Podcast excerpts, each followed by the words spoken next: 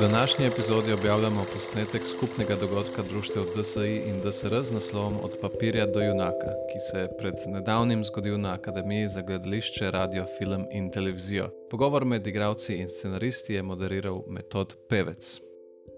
Juri je zaprl vrata, se pravi, jaz lahko rečem dober večer, lahko rečem dobrodošli na skupnem večeru, ki ima tako dolg naslov, da rajš vidim, da ga preberete. Društvo slovenskih režiserjev in režiserk in Društvo audiovizualnih igralcev um, z naslovom, ki je po mojem mnenju kar lepo napoveduje vsebino, se pravi, govorili bomo o tem, kako nastajajo vloge na poti od papirja do junaka, če smatramo junaka kot nekaj polnokrvnega, kar prenese seveda filmsko platno. Um, vemo, da pa seveda včasih naši junaki ne postanejo pravi junaki uh, in so na koncu lahko celo malo papirnati. O tej poti uh, od papirja do, uh, do platna uh, se je treba pogovarjati, in mislim, da smo se doslej premalo pogovarjali, in sem prav uh, počaščen, da mi je pripadla čast, da povezujem ta večer danes z zelo se mi zdi, obetavnimi uh, gosti, ki jih sicer vsi poznate, ampak vseeno prav, da se predstavimo. Uh, Juri Drevenšek, igralec, ali da je še zraven. Ne? Delaš tudi zanimive podcaste, pa še kaj drugega. Zelo aktiven tudi na društvu, samo pazil. Mojca Fatur, igralka, plus še marsikaj, ne? ampak a, a kaj dodava? Ne. Uh, Urša Menard, tudi vsi poznamo po filmih in po njeni dejavnosti, bila je med drugim tudi predsednica Društva slovenskih režiserjev. In Miha Hočevar, ki je tudi že bil predsednik društva, a, kot smo vsi kdaj ne, bili, predvsem pa, a, predvsem pa seveda znan slovenski avtor. In m, tako mi smo ti, ampak jaz si bom, ker mi je pripadla čast, vendarle privoščil en kratek izlet v zgodovino, najbrž zato, ker sem jaz tukaj vendarle uh, med vsemi eh, cenjenimi gosti bil prvi, uh, ki je na slovenskem filmu stopil pred kamero. Uh, z očali, ki jih imam zabranje, vas vidim motno, moram sneti. Pač. Skratka, ne vem, zakaj bi to rad povedal. Rad bi povedal zaradi tega nekaj o tem, da bi vendarle se zavedali, da je zdaj drugače, kot je bilo, in da mogoče lahko s temi pogovori to sodelovanje med režiserji in igravci še kam premaknemo. Uh, ko sem bil jaz, se pravi, ne, prvič, drugič, tretjič pred kamero, uh, ni bilo, da nimamo nobenih vaj z igravci ni bilo nekega sodelovanja. Uh, bilo je celo tako, da se spomnim režiserjev, ki so rekli: kakšne vaje to delajo v teatru in tam se piflajo, in pa so drill na drill, in pa pridejo. To je pa čisto mehanično, to ni smiselno delati, ne? to nekaj oni v teatru delajo. Spomnim se režiserja, ki je rekel: To mora biti nedolžno, igralec mora priti pred kamero nedolžen. Uh, on mora doživeti ta trenutek, ko se kamera sproži kot. Uh, Celo mislim, da je uporabil besedo Jus Prima Nocti, da si ta režiser za to privošči. In potem smo imeli režiserje, ki so popolnoma zaupali igravcem in so jim vlogo prepustili v celoti. Jaz nisem razumel nobene od teh skrajnih uh, pozicij in odnosov do igravcev in mislim, da je šlo mrsikdaj za nek čuden strah pred igravcem, uh, en, čuden, en čuden zadržek pred sodelovanjem ki je, če je dobro, mogoče celo na nek način, bi rekel, malo intimno, osebno. Uh, tako da to sodelovanje je bilo res minimalno. Uh, včasih so si režiserji pomagali s kakšnimi sodelavci, ki so se malo več ukvarjali, ampak uh, vsi ti izgovori so mogoče kdaj vodili tudi v to, da se igravci pred kamero niso ali nismo počutili najbolje. Uh, predvsem pa se je o tem premalo govorilo in je zdaj to že bistveno drugače. Vidim, da številni kolegi imajo vaje z igravci, se znajo pogovarjati z igravci, znajo razložiti napotke, znajo biti mogoče tudi neka ustvarjalna čustvena podpora. Koliko, kako to o tem se bomo pa nocoj pogovarjali. Um, tako kot izhodišče, mislim, da se bomo seveda smukali na nek način okrog vprašanja, ali je filmska igra interpretacija ali je vendarle kreacija. Um, to je zelo pomembna razlika. Mi vemo, da zakon veljavni uh, o avtorskih in sorodnih pravicah igralce uvršča v kategorijo izvajalcev. Torej, to na nek način pomeni, da nekaj je že narejeno, zdaj to treba samo izvesti. Pa, če smo čisto iskreni in posi, mislim, da smo dovolj, vemo, da se pravzaprav, uh, da če igralca omejimo, njegov prispevek omejimo, omejimo na to vlogo, da smo pravzaprav ga prikrajšali, oziroma da nismo povedali vsega uvod. Zdaj bi pa vendarle začel ta pogovor tam, kot je napovedano, na papirju. Ne? Ker vsi problemi se v resnici začnejo na papirju, mrsi kakšen scenarij pride do igralcev, tak, da verjetno igralci rečete, da ja, je papir na to, je še vedno papir in bo to seveda treba v nadaljevanju oživljati.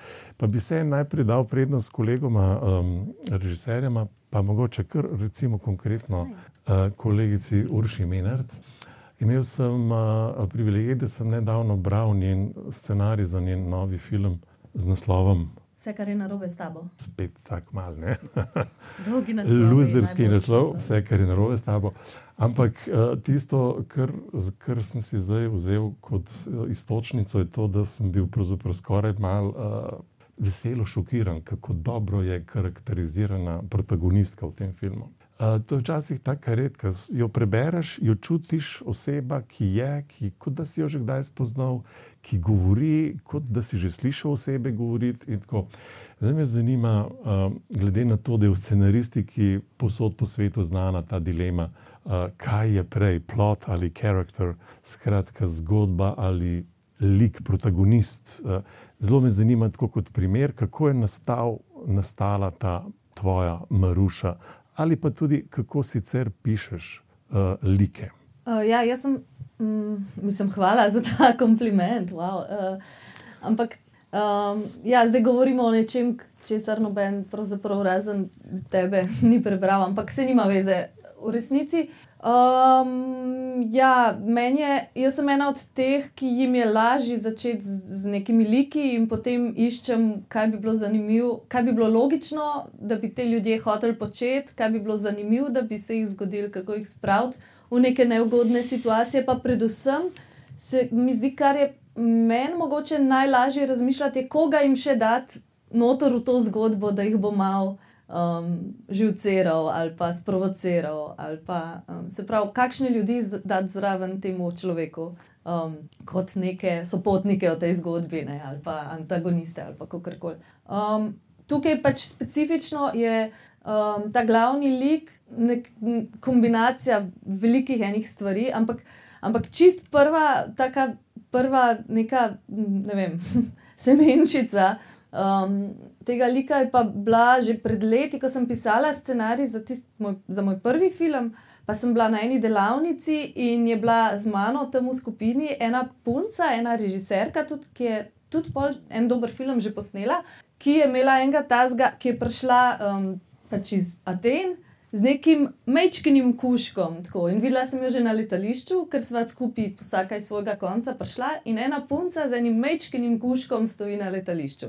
In pol sem ugotovila, da, je, da greva na isto, pač na isto lokacijo, da je ona prišla tja za en teden ali deset dni in skozi tisti mehen kuža, nek, um, tisti nek terjerček, je bil tak kosmat. Pa tam je bilo 40 stopinj, pa res ne preveč nek otok, pač ne preveč ugodna lokacija za pse, pa tam cele dneve na nekih, veš, kot te delavnice, neka, neke skupinske debate, skozi neki, neki tipkaš, pa pol debatiraš, pa pol neka predavanja, ne glih plac za psa. In sem skozi razmišljala, kako ta punca nima nobenega, da bi tega kuška, ki je bil čist nek neproblematičen mali kuža, ki ga daš v torbico in pobašaš da bi tega kuška en teden čuval tam v Atenah. Um, in to mi je ostalo nekako, ne? ta, ta punca in ta mali psiček. Um, tako imam m, nek file, tako vedno daljši na računalniku, kjer, so, kjer si zapisujem neke. Utrinke, v bistvu ne utrinke, ampak neke zanimive ljudi. Kaj, kaj bi bili zanimivi ljudje? In pol ta punca s tem kuškom je bila tam v tem filu. In pol, ko sem, ja, dolg časa. No, in polk sem začela pisati ta film, ki sem ga začela z enim drugim likom, ki je v bistvu ta dva pravzaprav sta glavna lika, no ta Maruša in potem še en lik, ki pride nekje na tretjini filma in potem nadaljuje ta skupaj. Um, in sem razmišljala, kaj pa bi bil, kaj pa bi bil zanimiv, zanimiv nek kontrapol tej drugi, pa sem se spomnila na to punco s tem kuškom. No. In tako nekako, um, ne vem, nekaj. Um, tudi se mi zdi tako, da oskrat ene slike samo nekih ljudi, ki jih pač zagledaš in pa si predstavljaš, kako ne. Se mogoče ni bilo tako dramatično, to, da nima nobena, nobenega, um, ki bi čuval tega psa, ampak se veš, v glavi si naredimo včasih marsikaj. No. Um, ja, uh, tako z Uršo kot z Mihatom smo se že srečali pri predmetu dramaturška predelava scenarija, uh, kjer povabimo režiserje, ki imajo zrele scenarije. In je prav zanimivo, več uh, naših kolegov je že pri tem sodelovalo, in vse sem vprašal, in vsi so imeli ist, podoben odgovor, da imajo nekje v računalniku odprto neko datoteko, kamor spravljajo te neke resnične izkušnje iz življenja uh, v arhiv, ne, pa, pa enkrat ne da miru ta neka gos, uh, gospodična s kuškom. Uh, Miha, imaš ti tudi. Uh, nekaj takega, ali predvsem pa čak, da dopolnim te še pod vprašanje. Uh, Miha, to vsi poznamo kot zelo duhovitega ali pa celo pikrega uh, govorca. Uh, in v tem si, se mi zdi, ki ga poznamo, uh, uživamo. Um, pa me zanima, kako ustaviš ta, tega govorca, ko začneš pisati druge like, da ne govorijo tako kot ti. Ali imaš za to, si tudi pomagaš s kakšnimi modeli, s kakšnimi. Um, izkušnjami, ki so nekje v enem skrivališču ali kako. Lahko najprej sam, ker imaš rada dolge naslove, če ti ga smem še malo podaljšati. Vse, kar je, eh, vse, kar je narobe s tabo, je, da posod vlačeš tega smotnega psa s sabo. okay. uh, to je bilo. Ja, kako, uh, da ne govorijo vsi tako, kot je. Sej malo govorijo vsi tako, kot je. Zato, ker sem tak, tak nek, vedno nek ansambelsko zasedbo ki je kot neka metaforica. Nočem zdaj se pre, pretvarjati, da sem zelo globok človek, ampak neka metaforica za neko določeno družbo. Ampak eh, to, da ne govorijo vsi tako, kot jaz, pa gremo v bife, pa poslušam še, kako kakšni drugi govorijo. Recimo, to je bilo v smislu morga prvenca, posebej sem par ljudi, ki jih poznam, eh, neke figure, neka. neka zaporedja besed, ki jih uporabljajo, ki vemo, vsak ima svojo neko sintakso. In sem iz tega pol gradil. Plus, seveda, vedno tudi podoba lika tukaj, opredeljuje njegovo govorjenje. Tu. Ampak kdaj vzameš kakšno resnično osebo kot model, kot, saj, kot inspiracijo? Ja. Ja, ja. Tudi, mislim, vse veste, da sem velik delal tudi z, velik, delal tudi z prav otroci, ne, z otroki. In, uh, Jaz imam to načelo, da prihaja zelo velikih pride na, na audicije. Recimo 800 je bilo za en od, od filmov mojih, uh, eh, 5000 za drug film, ker smo pač hoteli tudi, ker je bil tako popularen, smo hoteli dati priložnost tudi tistim iz Slovenija, pa iz Kopra, da ni tako ljubljeno centrično vse. In potem sem tu in tam koga srečal, ki se je na nek določen način izražal, okay, pustimo, ali pa je imel neke veščine in ga, ga v bistvu dal v film in mu razširil. To je bil en mohar, recimo, ki me je navdušil s svojo pojavo in načinom govora in svojo navdušenostjo. On je rekel tako na tretjini snemanja: rekel, Dobri smo, dobri smo, jaz smo šele na tretjini mohar. Ne, tudi če zdaj le nehamo, super smo. Rekel, ne, mohar, moramo do konca. Ok, ok, se bomo. Nimaš kaj zgrešiti, če ta zga mal, kaj pa v Donski mohar, da ga tam le pa naj on. To seveda ni tako pisanje, to je malo drugačen pisanje. Ne? To je bolj režija pisanja, že malo pomešan, do čega do česa bomo verjetno prišli pod tvojim modrim vodstvom. Sej, eh, se mi zdi, da če hočemo biti iskreni, je bistveno bolj, da uh, črpamo iz življenja kot iz morda kakšnih drugih filmov. Um, zdaj pa za vaju najprej eno vprašanje, tako mogoče malo provokativno, ampak uh, ali sta kdaj? Ali pa kdaj sta imela priložnost, da bi pri oblikovanju vloge sodelovala zelo zgodaj. Čim prej, recimo, ko se piše, uh, ko se pripravlja. Uh, in predvsem, koliko imate občutek, da vam režiserji dopuščajo, uh, da vstopite v. Ne samo v podrobnosti dialoga, tako, ampak v, v samo karakterizacijo, postavitev tega junaka, ali mojca. Um, da bi sodelovala pri, um, pri postavitvi lika, v fazi pisanja, po mojem, ne. Um, tako sem pa imela zelo različne izkušnje uh, z režiserji, od takih, ki v bistvu so dejansko si imel občutek, da si prišel samo izvajati tisto, kar si on zamislil, do takih, ki so željno čakali, kaj boš ti ponudil. Um, in si, naprimer, o tem sem že večkrat govorila, ampak uh, ko smo se pripravljali na film V Leru, smo mi takrat cel mesec živeli v študentskem domu skupaj in smo v bistvu zjutraj se zbudili, smo imeli skupno telovadbo, smo tekli v Tivoli, smo si pripravili zajtrk in smo mesec uh, dni vadili, vsak dan smo imeli dopoldanske in popoldanske vaje, ampak brez da bi se sploh dotaknili scenarija. In je nekako ta lik zaživel. Preden si sploh videl za res njegove besede. In uh, so tiste besede pol tudi čist drugače zvenele. Ampak čakaj, tudi Jan Cvitkovič je tekel v Tivoli, ali kaj? Tudi. Uh, Tudi Miki. tudi Mik, okay. Tudi Tanšek. in, uh, in tam je bilo zanimivo, ker se spomnim, da smo imeli en prizor, ker med vajami, se pravi, smo improvizirali tudi z igravci, s katerimi se potem dejansko v filmu nismo zares srečali. In se spomnim, da je bil en prizor, meni se zdi, da sem bila glih s Cvitkovičem v sobi, ampak sta šla dva mimo. In ker sem jaz imela improviziranih cel kup prizorov z njima in sem vzpostavila nek odnos z njim, sem jo čist drugače pogledala, kot če bi sam pogledala, ker sta šla mimo. Mislim, tako se mi zdi, da je bilo ogromno enega naboja v filmu. Drugače pa ja, imamo režiserje, ki v bistvu so vse čas prilepljeni na monitor in je bolj pomembno, kako stvar zgleda in da ni bumano in tako. In v bistvu se odločijo za tehnično najboljši kader, čeprav smo igravci precej takrat ne glih. In take, ki v bistvu ti res tako pustijo prosto pot in proste roke, imaš občutek, da ti popolnoma zaupajo. Katere imaš rajše? Ta druge.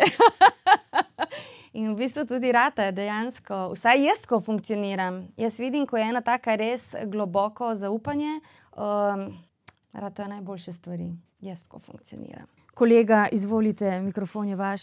Um, da bi zdaj jaz pri samem uh, oblikovanju lika v nastanku sodeloval, to ne, uh, nikoli v Sloveniji, uh, v tujini. Ja.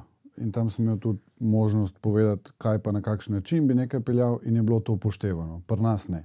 Uh, tako je Mojca rekla, zelo je odvisno, ampak pri nas so bile več ali manj izkušnje, da dobiš to predlogo, ki je pač kakršna je. Ali si jo prilagodiš, si prej vprašal, mislim, da to skoraj vedno. Ampak je pa razlika zelo velika pri tem, na kakšni stopni. Najprej je razlika, ali je pisec tudi režiser istega filma in do kakšne stopnje je zaljubljen v ta svoj scenarij. Ker z mojega igralskega vidika je pri samem pristopanju in spreminjanju samega scenarija pomembna ravno ta faza, ali je še ta pisec zaljubljen v svoj tekst, ali ga upošteva in je to za njega Biblija in od katere noče odstopiti, ali pa že dosegel neko zdravo distanco in se lahko pogovarja, ker um, danes smo z mojco uh, o, o materialu, ki ga je napisal, seveda. Danes smo z mojco pred to debato imeli eno zelo dobro um, istočnico, je ona povedala, ko je rekla, scenarist začne na točki ena ali recimo točki nič, igralec pa pride na zadnji fazi noter in gleda z popolnoma drugega vidika ta scenarij. Tako da je naš pogled na koncu pogled v resnici v material, ki pa je že na nek način preko našega znanja usmerjen v samo um, realizacijo tega, kar je napisano. In je naše branje predloge popolnoma drugačno. Ker mislim, da se tukaj pri nas dosti krat ta šum v komunikaciji potem dogaja. No. Pri samem snovanju pa ja, eni režiserji so dosti bolj odprti in vidijo iz prakse, kaj se dogaja recimo z vaj, z improvizacijo, nekateri pa imajo radi tako je po knjigi in je, kot si ti na začetku rekel, včasih zveni pol papirnato. To.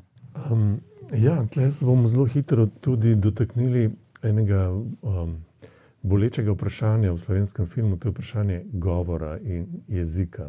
Um, na eni strani bi rekel tako, da uh, Miha Hočevar posname film v Ljubljanščini, pa nas potem po širni Sloveniji obsojajo, zakaj v Ljubljanščini, kot ti žabari, in si zmanjšamo gledljivost v Mariboru najmanj. Um, skratka, to vprašanje me zanima, tega, ker uh, sploh vidimo, ki sta po rodu iz neosrednje Slovenije. Ne? Uh, eno vprašanje se mi zdi zelo bistveno za igralca, koliko prilaga, uh, to prilagajanje že v govoru nekemu narečju ali pa nekemu psevdo uh, pravemu slovenskemu pogovornemu jeziku, koliko to lahko prinese neke izgube na avtentičnosti. Oziroma, kakšen je zdaj ta dobro napisan govor, ki gre zlahka potem v vajno interpretacijo, v vajno kreacijo. In kaj narediti, če ta dialog ni zapisan govorljivo, uh, govorljivo na način, da bi to omogočalo neko prepričljivost, spontanost, avtentiko. Uh, potem bom pa seveda še režiserja vprašal, kako preverja ta svoje dialoge, da bi bili napisani čim bolj uh, govorljivo, uresničljivo, etc. To je zdaj šest vprašanj v enem, ampak eh, bom šel po vrsti. Uh, prvo, ali se. nekaj časa mira. Ja, ne, ne, ali se prilagoditi eh, problem. Ne, mi smo profesionalci. Mislim, da, da to ni noben problem. Mislim, da se problem pojavi takrat, ko se temu ne nameni dovolj pozornosti in časa. In konec koncev tudi sredstev. Ko se vprašanje govora vzame, ah, vse to bomo. Um, mislim, da valjda obstajajo razlike, nekdo se hitreje nauči, nekdo kasneje, ampak s primerno pomočjo, da vzamemo lektorja ali pa, pa da se sam neke značilnosti ali uh, vzame, um, pa zakaj, mislim, da se to da naučiti, da to ni noben problem. Uh, problem se mi dosti krat zdi, da se nekoga postavi v neko govorno okolje in se ne obrazloži, zakaj je ono tam, ker je recimo kaprica. Ampak, uh, ker se mi zdi, da je v scenariju, z moči z igralskega stališča govoril, se mi zdi, da je v vsakem trenutku potrebno dvomiti v čisto vse. In, in da te neke axiome, ki so noter, da jih je treba preizpraševati, ravno zaradi tega, ker si igralec iz tega, si vse naredi, kaj, kje, zakaj, kako. Zdaj, um, govor ali je življenjski ali ne, to se mi zdi, da se najboljše pokaže na vajah, ko se situacijo, uh, jaz sem zelo velik zagovornik vaj, ker mislim, da moraš, kot da bi se na pleh avta naslanjal. Ti moraš probati, koliko ta pleh zdrži, koliko je ta pleh upogljiv, uh, ne vem, ali pa koliko ta mašina od avta gre, ali je hitra, ali je počasna, ali ima pospešek. Ti moraš to na vajah probati, ti moraš na vajah probati vse napačne stvari, ki ne grejo zraven, zato da, da ti razširiš ta prostor, da, da, da lahko ta kip iz tega grobega kosa marmore recimo oblikuješ. Tudi tisti ostanki ti na koncu pridejo prav. In zdi se mi, da pri nas zelo dosti krat um, zanemarjamo to vlogo te priprave in da tukaj pol pride pri nas do teh nekih neživljenjskih situacij. Kar se pa nasplošno tega govora tiče v Sloveniji, odkje je kdo pa kaj, bom pa čisto osebno eh, povedal. Meni se zdi, da, da se mi s tem tako, tako sami sebi zamenjujemo prostor, ker je od ene piškave ljubljane do ene piškave murske sobote. Ura 45, dve, pa do morja pol je ena ura. Mislim, mi se pogovarjamo, kot da smo Amerika, Teksas, New York, no, mislim, pa celo Slovenijo, prevozimo v dveh urah. No, mislim. In se mi zdi, da te razdalje pri nas, pa zdaj pa ne more prek Murc živeti na Koroškem. To so meni argumenti, ki so mi pač malo smešni. No, tako.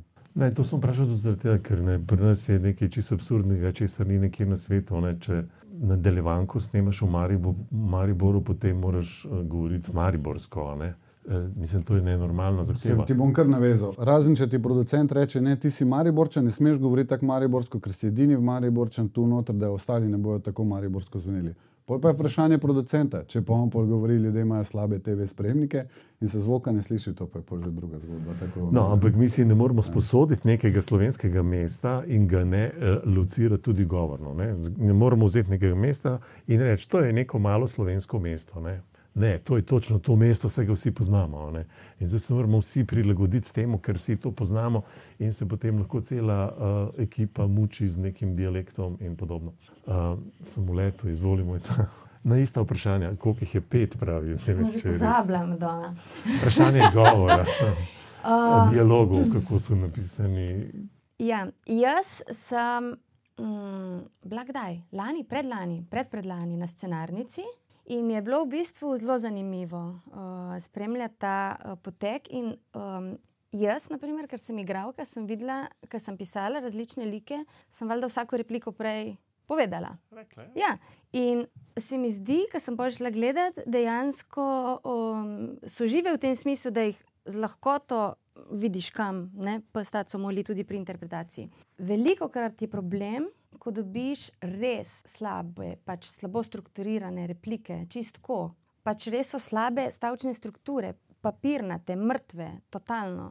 In potem, naprimer, še um, ne, ne bomo spremenjali, ne, ne bomo spremenjali. In kaj zdaj, se lahko glih, ne vem, mislim, si od nogo odgrizneš stran.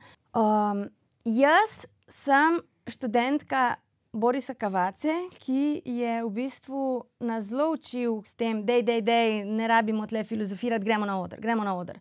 Ampak vseeno v teatru, tudi če gremo hitro, si vzamemo več časa na začetku za pogovor, za razčlembo in za v resnici vem, lektorske vaje. Itd. In se mi zdi, kolikor si lahko rečeš, kot si na začetku rekel, da kakšni režiserji mislijo, da ja, pa potem je to ful preveč vse zglancano, pa poštirkano, pa so igravci mrtvi. Ampak se mi zdi, dokler ti nimaš zelo jasnih okvirjev in se ne počutiš res tako doma tam.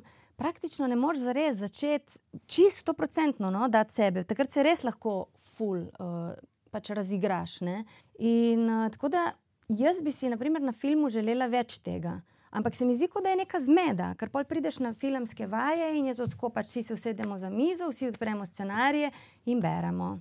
In beremo, in beremo, in aha, ja, to ne zveni, to bomo spremenili, čakaj se bomo jutri dobili z unim pa unim, pa pridemo drug dan, pa ta scena je spremenjena, pa spet beremo. In pol gremo malo v prostor, ampak tako malo, neki, malo malo neki fingiramo, da je tle mizica, pa to, in pa smo vsi zadovoljni in pejmo snemati. Ne? In se mi zdi, da si ful, uh, mislim, ko bi rekla. Zapiramo prostor. Evo, hvala. ja. Mislim, jaz bi dodal še eno stvar, kar je mojca rekla, se mi zdi zelo pomembno. Um, rekla je točno to, kar je, kar je v gledališču se to naredi. V gledališču imaš ti ansamble, ki v, na primorskem niso nikoli samo primorci. In eh, v Mariboru niso samo štajerci v ansamblu, ampak ko se zmeni, ti ga vsi bojo enako žgali na odru. E, enak govor bojo imeli, kar pomeni, da se da. In, in če se tam da narediti, jaz ne vidim razloga, zakaj se na filmu ne bi dalo narediti. Pa, mislim, da se, ker se v, na, v načinu delanja filmov v Sloveniji vedno mudi, so to ene izmed stvari, ki jih že bomo, že bomo, na koncu pa zmanjka, ampak je pa to tisti fini detajl, na, na koncu se, v katerega se pa ljudje zelo utaknejo, pa, pa rečejo, da ja, ne more biti ne, ta, tam pa tam, pa ta pa ne reče pravilno L. Ja, to je eno uh, zelo zoprno vprašanje. Ta slovenski film in ta govor, ki smo ga prva na filmu dobili naravnost iz gledališča, odkudar so ga prinesli igravci, in potem filmski režiserji niso vedeli, kaj. Mislim, da je to že kar tretji igrani celočerni film, ki je šel po pomoč v dialekt, ne kekac. In tako se je pa seveda še marsikdaj slovenski film, da bi dosegel to neko pristnost, avtentičnost, ker ni znal govoriti, ker nismo imeli tega nekega uveljavljenega pogovornega jezika um, za teku. Ampak iz tega so sledili pa tudi drugi problemi. Uh, o narečjih jaz nisem fan tega, pa nisem zdaj tukaj zato, da bi govoril, ampak boste še kolega, ki je povedala. Uh, zdaj ste slišali, da pravzaprav ne, da dosti krat igravci dobijo dialoge, ki so neprežvečljivi, ali kako bi rekli. A, zdaj me pa zavajo oba vprašanja, kdaj začutite, ko nekaj napišete, da je seveda lik živ, da je dobro karakteriziran in ponovadi, če je dobro karakteriziran, zna tudi govoriti. Ampak kako pri sebi preverjate? Uh, Igravka ga prebere, uh, ga, pre, mislim, ga dobesedno organsko nekako poskuša začutiti, kako vidva preverjata, kako bi to temu rekel, uresničljivost, živost uh, dialoga. Ja, res je dolgo, tole lahko do konca uh, večera ne, tale vprašanje obdelujemo.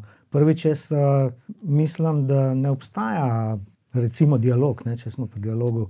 Na, monolog je tako še bolj fake, tako mislim, je še bolj čuden, ker kdo pa govori sam s sabo. Dobro, jaz ja, ampak normalni ljudje v glavnem ne. Uh, ampak dialog ni naraven, nikoli ne bo naraven. Ker če bi bil naraven, bi trajal filmi, trajal sedem ur, najmanj. Tako, se že prej se zmenimo, kam gremo na kavo, mine veliko več v realnem času. Oziroma se v glavnem ne pogovarjamo, če sta dva par, že tri leta, koliko pa sploh govorita. Ej, ta mama enko. Je to stikril. Ne, nisem jaz. Do, mislim, ne, če so dramske situacije, dialog, naravnih pa itak skoraj ni. Tako da Itak je vsak dialog je stilizacija. Tako da od tega ne moremo zbežati, in nič hudega, ker film tudi ni realnost, ne? film je film. Ja, film. Odpeljali so me na Luno, ne mogoče, in jaz sem zdaj tam. Torej, že tle smo vse je mal ven iz resničnosti. Pa, pa rečejo, to ni naravno, kdo pa tako govori. Ja, noben, to so na filmu. Ne? To, da vsi isto govorijo, tudi zavračam, to je brez veze. E, vsak ne govori, kot pač govorijo. Ne? Tako sem jaz pač štartil tudi na turščika, jaz ne morem naučiti drugače govoriti, to on sam govori, jaz mu lahko plasiram in mu pomagam, da mu bo šlo tekoče s tem, da mu kakšno besedo ven vržem, obrnem, rečem, da je tako povej. Prvi film sem snemal tle 150 metrov stran od tukaj in so pač približno tako govorili, s tem, da je en govoril traktatološko, ti si pač profesor, a boš lahko, seveda bom lahko in potem, ne. To najdeš ga, kar lahko. Otrokom tudi nisem, ne. Otroci, seveda sem jaz vedno vaje, vaje, vaje. Ampak, ko sem videl, ta stavek ne bo šel tako, da ima ga obrnjen tako, ampak moral pa je, je povedati, seveda, nekaj, kar sem jaz približno napisal, ker je to del tiste zgodbe. Ne. Zdaj, uh, to uh, štajerska uno, to je pač, seveda, če bom uh, hotel pokazati, da ne, sem res nekje v celju in da je ta celjan od rojstva, pa to so velika mesta, v Šiški drugače govorimo, mislim, da tudi sever celja malo drugače, jug to je pretiravamo s tem. Pa vsi smo tudi, niso več to izolirane skupnosti. Če bi delal o kmetu iz 17. stoletja, tam nekaj iz Božje matere, mu moramo najti pravi jezik. No, se vsi mešamo, rojeni smo, gledamo Tom in Jerry, gledamo tist, gledamo to, kaj še gre pozab. Smrt se nekaj ne vem. In smo že s tem obremenjeni. Noben ne govori tako, kot je njegova stara mati govorila. Ne, ne. pač tega ni več. In zdaj sam. Uh, moramo pa biti, seveda, tako natančni, da če pa je to iz 17. stoletja, pa ali pa prosim. Sam jaz se tega sploh ne bi lotil, ker bi moral pa z ne vem, katerimi jezikoslovci sedeti predolg časa, nimam narja za kostume, scenografijo in da podremo se, zbrišemo vse žice. Tako, tako da itak smo v glavnem danes tukaj in je ta problem mal manjši, kot dela. To, kar nam publika doskrat očita, je tudi, če vse prebereš, pa da je kar neki. Ne. Ni najdel pravega prekmorca, pa edini, ki ga kritizira, je pa res prekmorca. Ne. To so bili tudi primeri v Renkotu. Pa ta, točno ta je pa prekmorc, kaj mu zdaj očitaš. Povedal je tako, kot se pove. Zdaj, vaje seveda, čim daljš, ne, čim daljš, pa jaz bi bil najbolj srečen, če bi lahko šel na lokacijo, ne, na Kena Barje, ker sem snimal zadnji film. Enkrat smo celo šli za en dan, da so se mal navadili. Ampak jaz bi bil tam cel mesec. Kdo me bo pa gledal, kjer producent, kjer je igralec, končno ima to kcaj ta igralka, ne? da se res lahko posveti, ne? da res nima angažmaja v gledališču. Tam. To so pa zdaj že tehnikalije. Nimamo toliko časa, zato ker čas je enako, vemo kaj, in pač ni toliko časa. Uh, absolutno pa se ja, najprej je treba na papir. E, e, Doskrat pridem do kakšnih rezultatov, ki vidim, da sem tako napisal ta lik, zato ker ga tako vidim. Jaz si tudi na glas berem ali pa berem, pač jaz slišim, kaj je moj lik govori. Pa, pa seveda pride pravi igralec iz. iz uh, Ki zna uh, drugače to pre, preobračati, in potem uh, poskušam najti, skupaj skušamo najti, naj, skupaj skušamo najti. Uh, ne vem, recimo, primer, moj prijatelj Frank, ne, uh, Govori pa tako. In uh, se pogovarjamo o tem Franku, ki ga jaz ne poznam, Frank je pa tak, pa tak. Veš. On je on, ki pride v lokal, pa traktor, pa naveže. Mislim pa nekaj. Pove nekaj anegdoto o Franku in kako, kako uh, ne, Frank deluje v življenju. Jaz pa povem potem o mojemu prijatelju Petru, in pa tako, veš, kako je pa on. Potem se prek pogovorov o nekih ljudeh, ki jih ne poznava oba, ali pa poznava oba, pride do nekih premikov. Kaj pa če bi bil? Ne? Malo nevro, neki, neki, neki, po mojem, je tisto, kar je na papirju, rab udejanjene v smislu, kaj bi še zraven dodal. Ne? Pustimo, da je treba oduzeti preveč besed ali pa tako, če ni glih elokventen lik, ne? preveč stavkov ven, pa zdravo. Ampak kaj, bi, kaj on zraven počne, kako se oblača, ima tik. A, seveda ne, zdaj da ne, vse bi neki. Ali pa da mi čik, ali lahko čik, ne, ne moreš imeti čika, ne, to je najlažje. Da mi čik, pa so, roke niso več problem in imamo že lik, nečko dim. Pridem rečem, naredim dim in pa la, la, la, ne gre, ne. Ampak neke male značilnosti, da najdeš skupaj z igralcem, igralko, da se premikamo naprej. Ne. Seveda pa ja, ta zaljubljenost je pa najhujša bolezen, režiserska. Ne, ne tako mora biti. Zakaj? Ker imam tukaj not. Ja, lej. Če bo tako, kot imaš ti tukaj not, od začetka pa do konca, ne bo tukaj gora. Ne? Od tukaj not pa do tukaj gor, to je platno. Ne? Se mora marsikaj zgoditi ne? v vseh, ki sodelujemo, pri vseh, ki sodelujemo. Predolgo se hvala. Se ta ljubezen se ponovadi ohladi v montaži. Ja. Hitro se ohladi v montaži. In iz ja. montaže ni poti nazaj. Ne? Še... ne, snemanje ne. Ja. Ja. Sam še v propad. Jaz moram zdaj nekaj povedati. Ja, povej, vse za to že? tukaj. Kaj že, kaj že moram povedati? mimo vprašanja, ali kaj? Eh, Ne, ne, ne. Um, kaj že, Ja, kdaj, ja. kako Kdaj, dialogi? kako dialog, kako veš, da je dialog živ, da, da, da si ga upaš zdaj predati tako imenoma, imenovanemu izvajalcu? Oziroma, koliko mogoče dialoge popravljaš skupaj z igravci, kako uskladiš? Ja, ja. Razumem, veliko faz je. Uh, jaz imam ta problem, ampak tega niti nisem sama oseb zares razumela, dokler mi ni en kolega, ki je bral moj scenarij, rekel: Ti imaš tako čuden um, besedni red. Ne vem zakaj točno, mogoče m, ker sem odraščala na fužinah, pa pol, ne vem, se navadiš, e, ne, ne, kakšne, obrneš kdaj kakšne besede tako nenavadno. In se mi zdi, da doskrat, pač vsaj v teh prvih šestih verzijah um, teh mojih scenarijev, veliko likov govori malo preveč podobno meni. In kar ne bi bil problem, če bi jaz govorila normalno, ampak ker imam včasih neke specifične te govorne tike, se mi zdi, je pol to res mal hecen. Uh, in na eni točki se začnem tega zavedati in poskušam jih malo razločiti, ne, pa pol mogoče sam še glavni lik govoriti, kot jaz. Uh, pa m, pol je. Um, Mislim, ena faza je zihar, kdaj te postane mal manj sram to nekomu poslati, uh, pa ne še igravcu. Uh, z, z igravcu je najtežji, se mi zdi, poslati scenarij. To ponovadi sem malo. Malo odlašam, čeprav bi bilo najbrž fajn to početi prej, ampak ta sram je prehud. in Si pa pol- tudi najbolj vesel, če mu je všeč. Ne, tako Ja, pol. to pa je zelo lepo. Ja. Ampak uh, ponavadi je ne, najprej pošlješ mogoče producentu, pa še enemu kolegu, pa še kakšnim drugim možim sodelavcem in na eni točki postane to tako v neki taki prebavljivi obliki. Pa pošlješ mogoče glavnemu igralcu, pa ok. Uh, pa, pa, pa pa pride ta faza, ko pošiljaš tem. Um, Recimo, igravcem, ki bojo odigrali neke stranske, ampak pomembne vloge. In tam se mi zdi, da pa jaz šele, ki pa um, to postane zdaj en konkreten človek, ki mu bom to poslala. Se pravi, če si tega igralca, igralko predstavljam.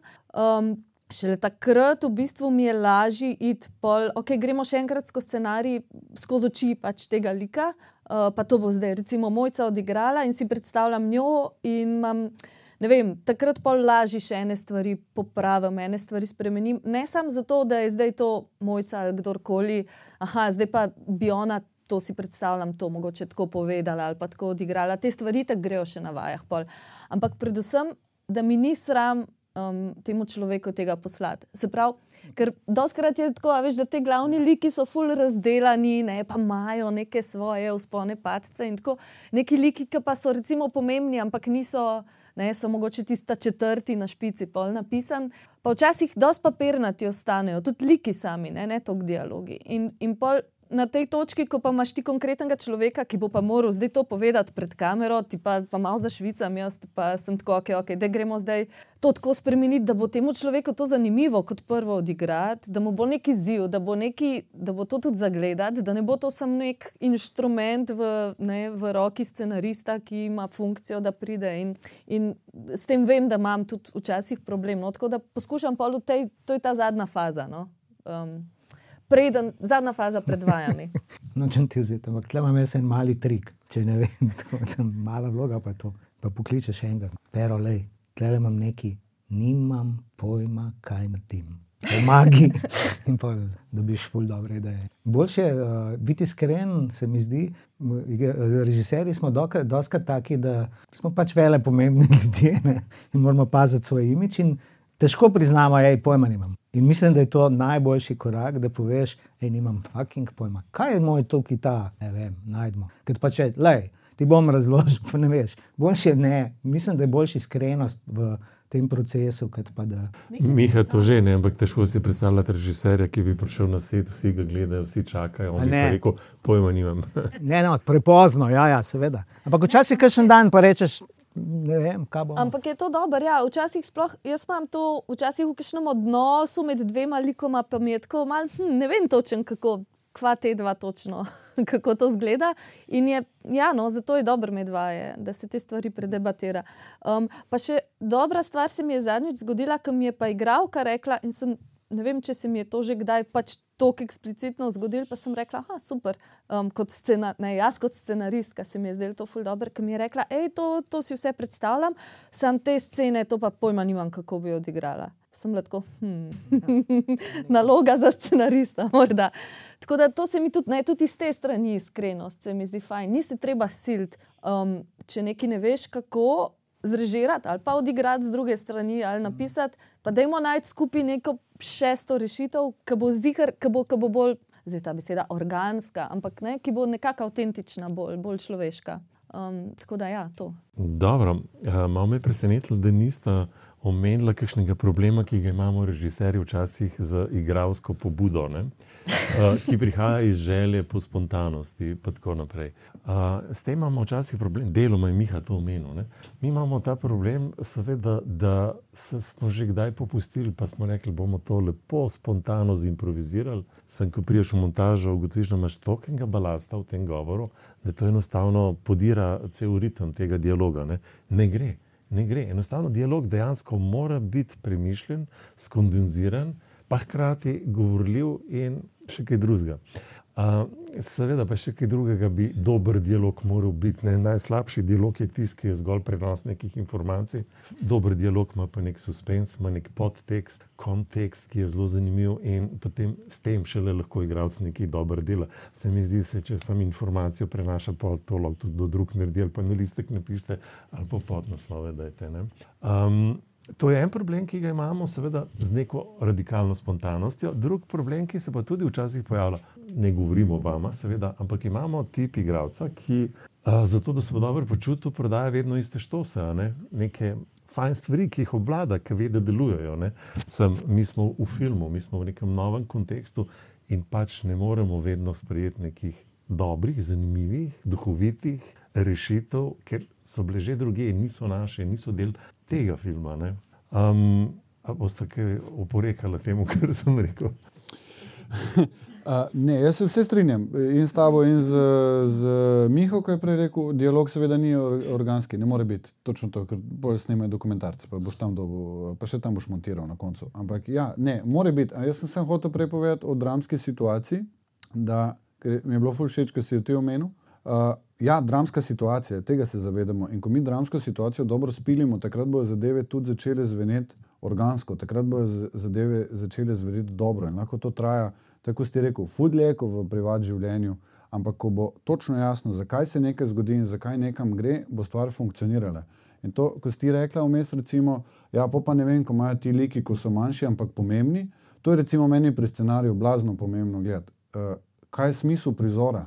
In, in, in to se jaz največkrat, recimo, z pisci, pomišljajo, režiserji, pogovarjam, kaj je smisel tega prizora, kaj mi moramo narediti. In to bo tudi odgovor na tvoje vprašanje.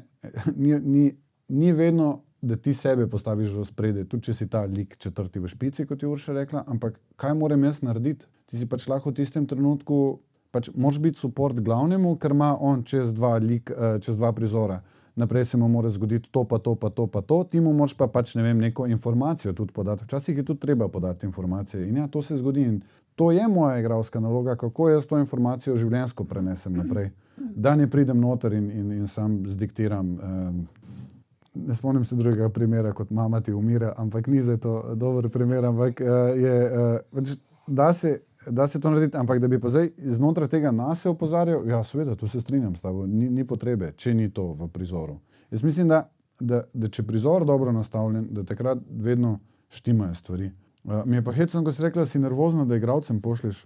Jaz recimo na tem primeru ne bi nikoli bil, ker večina igralcev je toliko tekstov že videla, pa toliko stvari, da je ta nek občutek za dramski dialog če rečemo pač dialogu v scenariju, je tako noter, da včasih vidiš, kje stvari ne štimajo, ali pa se recimo ponovijo, ali pa bi se jih dalo skrajšati, pa narediti. Iz tega, iz tega mislim, da je dobro, da to, kar si tudi sam rekla na vajah, pregnesti in iti skozi. Ker to ni kontriranje. Zato, zato ja. nas je strah, ker vi to veste, ker preberete. Ja, ampak si ti v uvodu tudi rekel eno stvar, ne? ali je igralec interpret ali pomaga delati. Veš, če se nas spusti zraven, točno to, se mi tudi ne vemo takrat se lahko zgodi dobra stvar, da se usmerimo proti platnu, ne, proti, proti cilju. Da, takrat, takrat usmerimo vsi svoje jadra v isto smer. Kaj misliš, da, da vsak igralec vse ve? Mislim, da ti bo govoril, da vse ve ta tudi. No. Pazi. No, jaz bi dodal osebno izkušnjo, da sem imel težave z enim scenarijem, da so mi dramaturgi govorili, da si bom kariero uničil, popolnoma, da je to ne, skratka, mislim, bilo je uh, čisto me popluvalo od vrha do tal. Jaz sem polih prosil, da ne mi to napišajo. Pa sem dobil 27 vrstic nekega besedila, ki, v katerem je bilo samo nekaj na začetku, da moram pogreb predstaviti iz sredine na začetek, pa, pa da morajo piti, ne vem, radgonsko penino, igravci na koncu. Ko, kaotično, ne? Ampak potem je, mislim, nisem razumel, to je zdaj dramaturška analiza. O, hm? No, potem pa je prebrala igralka ta scenarij in uh, jaz sem bil čisto srečen, ker se je začela pogovarjati in je prebrala scenarij na ta način, kot sem ga jaz napisal. Aha, se pravi, smo se harmonizirali. Srečen, ker od takrat naprej verjamem igralcev, zaradi tega se pa tudi bojim. Ne? Kaj pa če ne bo, ne? kaj pa če bo rekel, da ja, se tle ne najdem, upam, pa je resen problem. Ne?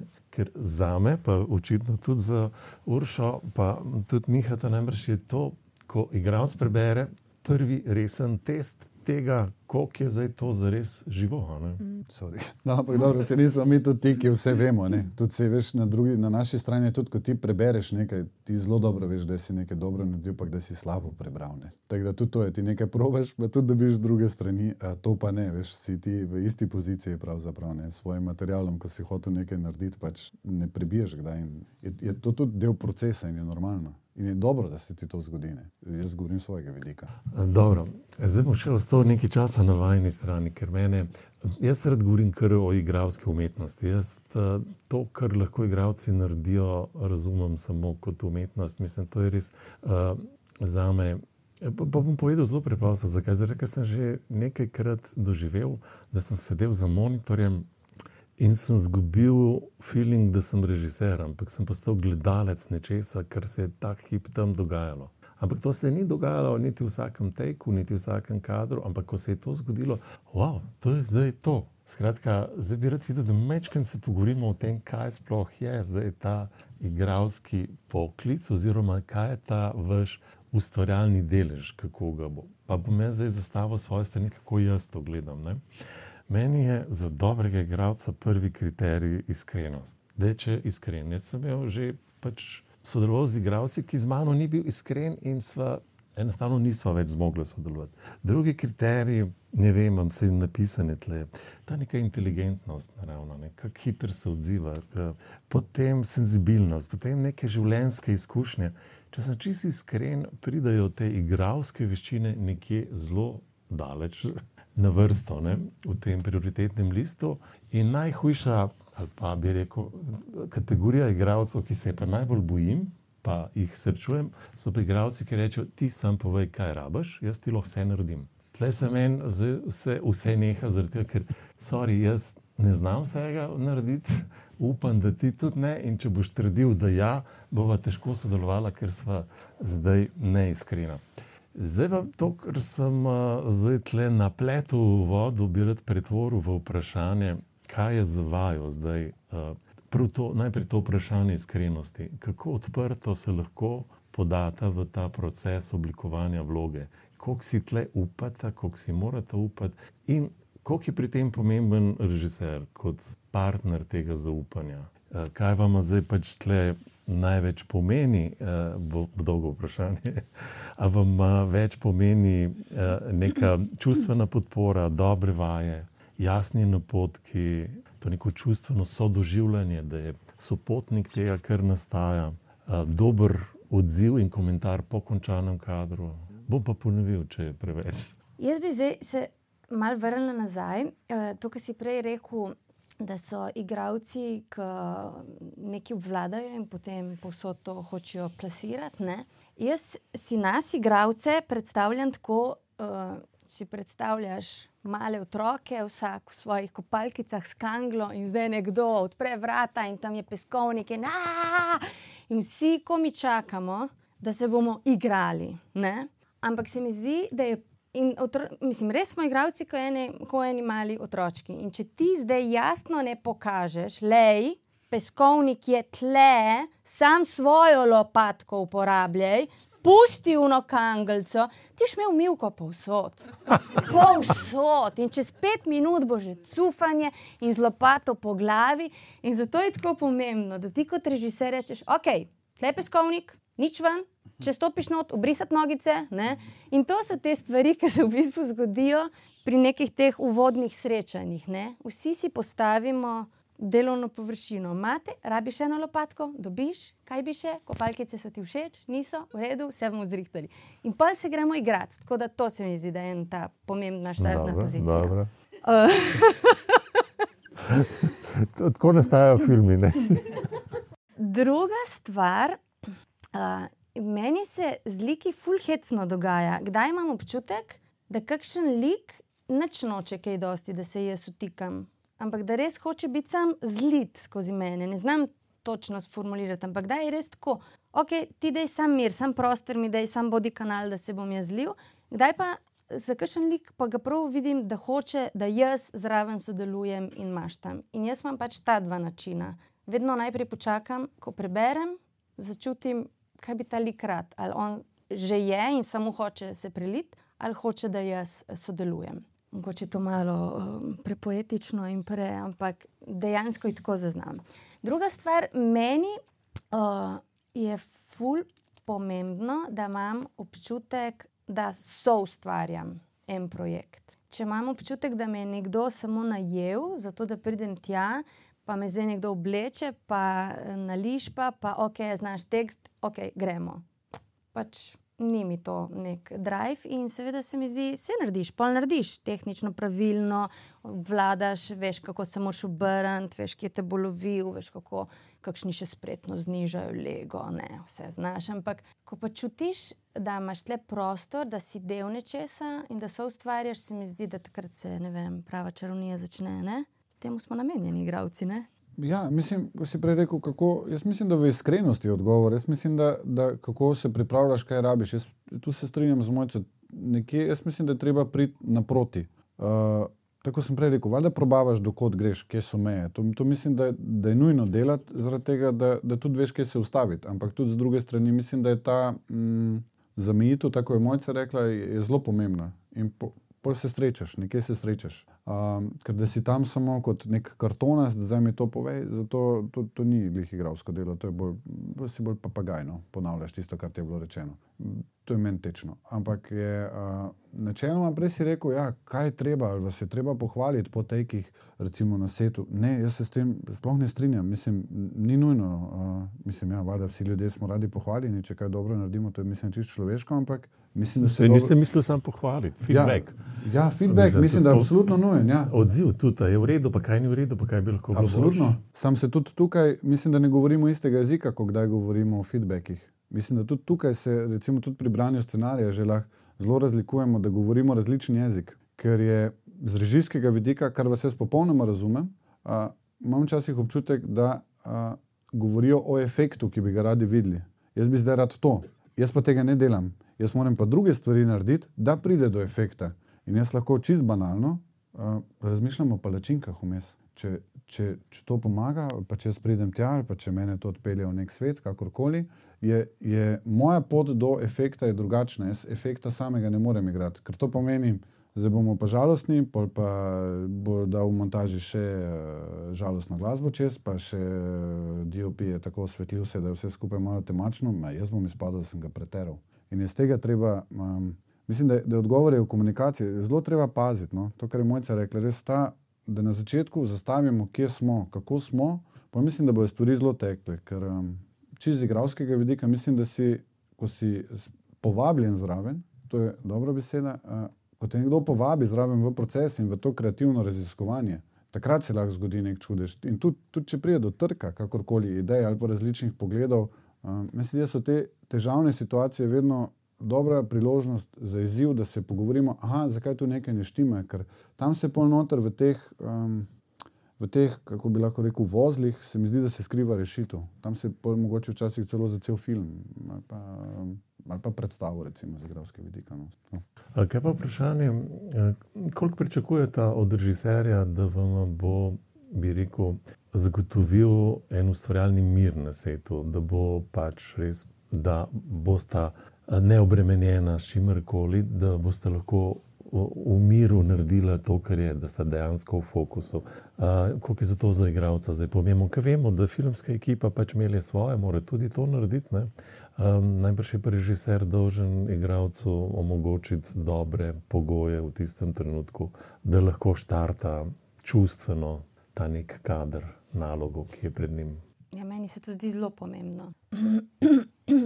Um, se ne zdaj vsi stopamo tam po prstih okrog igralcev, ampak sploh, če so kakšne res uh, čustveno zahtevne scene, da se takrat res poskrbi, ne? da ni tam enega upitja, pa vsi vse uprek ali pa enega nepomembnega komuniciranja in da se ve, zdaj ne hodite zraven, dajte jim mir.